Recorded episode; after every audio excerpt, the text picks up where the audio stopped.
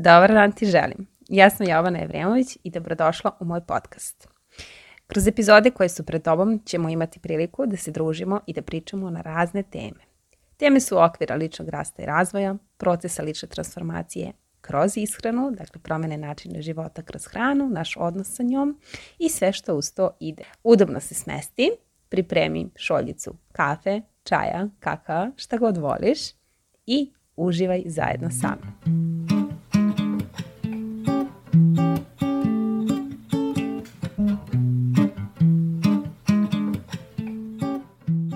Dobar dan, dragi moje. Danas sa vama želim da pričam malo više na temu, odnosno o temi koja je to savršena brojka na vagi, koja je to idealna težina kojoj težite i na osnovu čega ste doneli odluku da to bude baš ta brojka. Naime, u saradnji sa e, mnogim devojkama i ženama različitih e,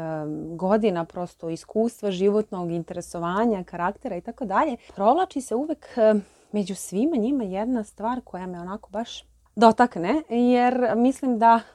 većina nas kada zapravo razmišljamo o svom procesu mršavljenja i koliko to kilograma želimo da izgubimo i koja je to naša idealna kilaža koju težimo, nekako mm,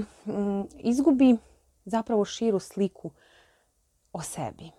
I nekako počnemo da merimo samo sebe na osnovu te brojke i kada krećemo na svaku dijetu, na svaki režim, na svaki plan ishrane, mi nekako očajnički jurimo tu brojku i glavni fokus nam je na toj brojci koju jurimo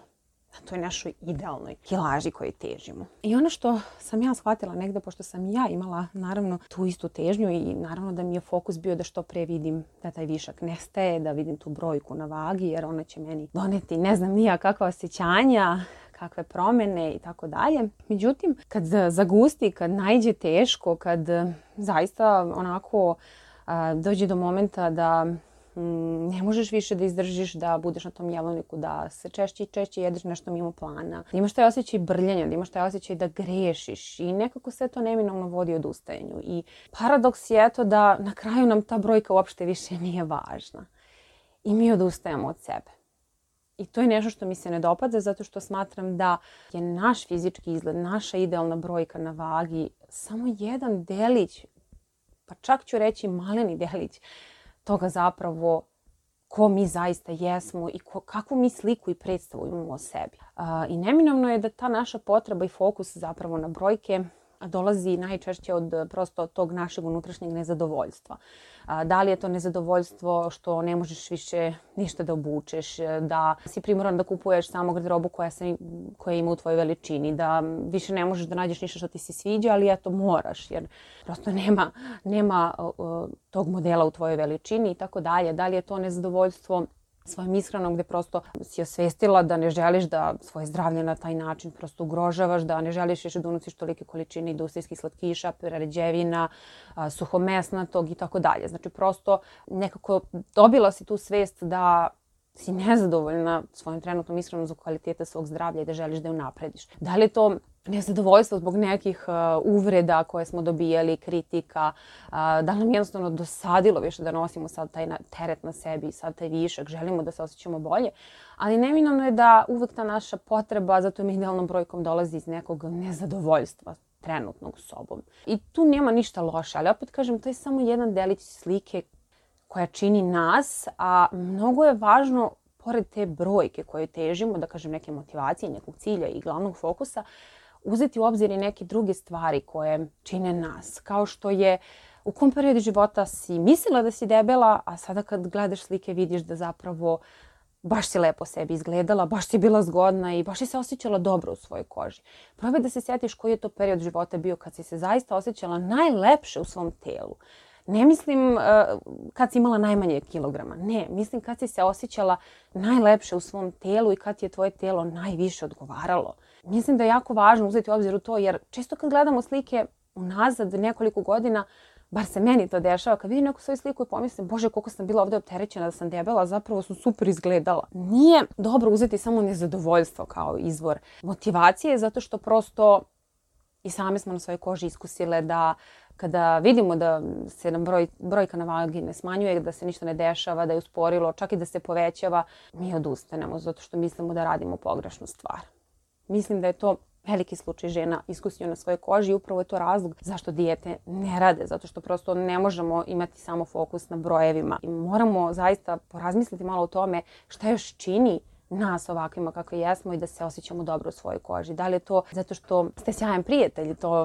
ne mislim na osnovu toga šta vi mislite, nego što vam vaši prijatelji upućuju kao komplimente, da li je to što umete dobro da slušate druge ljude, da li je to što ste tu za ljude uvek kad im zatrebate i tako dalje. Znači, važno je da uzmemo malo i u obzir e, šta koje to komplimente dobijamo i šta pa to zapravo drugi ljudi oko nas vide o nama i kako nas doživljavaju, jer često to smetnemo sa uma koliko komplimenata. Čak ne umemo ni da ih prihvatimo, jer smo prosto tako naučeni da vidimo samo kritiku i da, da smo stalno kritikovani i da upućujemo sebi kritiku dalje kroz život. Ali zapravo ne moramo. Kada sagledamo te druge stvari ili, na primjer, kada sagledamo, kada samo stanemo i pitamo sebe koliko sam ja uspeha u životu ostvarila, čime sam ja sve uspešna, e, zadovoljna i zbog čega sve osjećam da sam uspešna. Uh, I kada krenemo da ređamo taj niz, to može biti od, od najbanalnijih nekih stvari, ne znam, kao što je bilo koji uspeh kad si postigla u detinjstvu ili nešto, ne znam, osvojila si neko prvo mesto na nekom takmičenju u gimnastici. Mislim, sad navodim baš bukvalno onako primer da možeš da zamisliš zapravo koliko si uspešna do sada. Znači, odakle kreću tvoji uspesi da se ni, nižu i koliko, uh, koliko veština i koliko nekih dobrih kvaliteta imaš prosto u sebi i nosiš i sa lakoćom to obavljaš. Treba uzeti u obzir godine treniranja, na primer, ako si kao dete 8 godina za redom išla na trening tri puta nedeljno, nije ti bilo teško, treba da se podsjetiš tih svojih prosto da imaš tu osobinu, da imaš, da posjeduješ u sebi i, i disciplinu i doslednost i upornost i sve. Samo su te osobine negde zaturene prosto i te veštine, nismo ih možda koristili u zadnje vreme dovoljno, pa smo izgubili uopšte iz vida da, da mi to posjedujemo. Dakle, nadam se da je sada kada sam navela sve ove primere koje, koje to još sve faktore treba uzeti kada određujemo koja, koja je naša idealna kilaža i kojoj to cifri mi toliko težimo,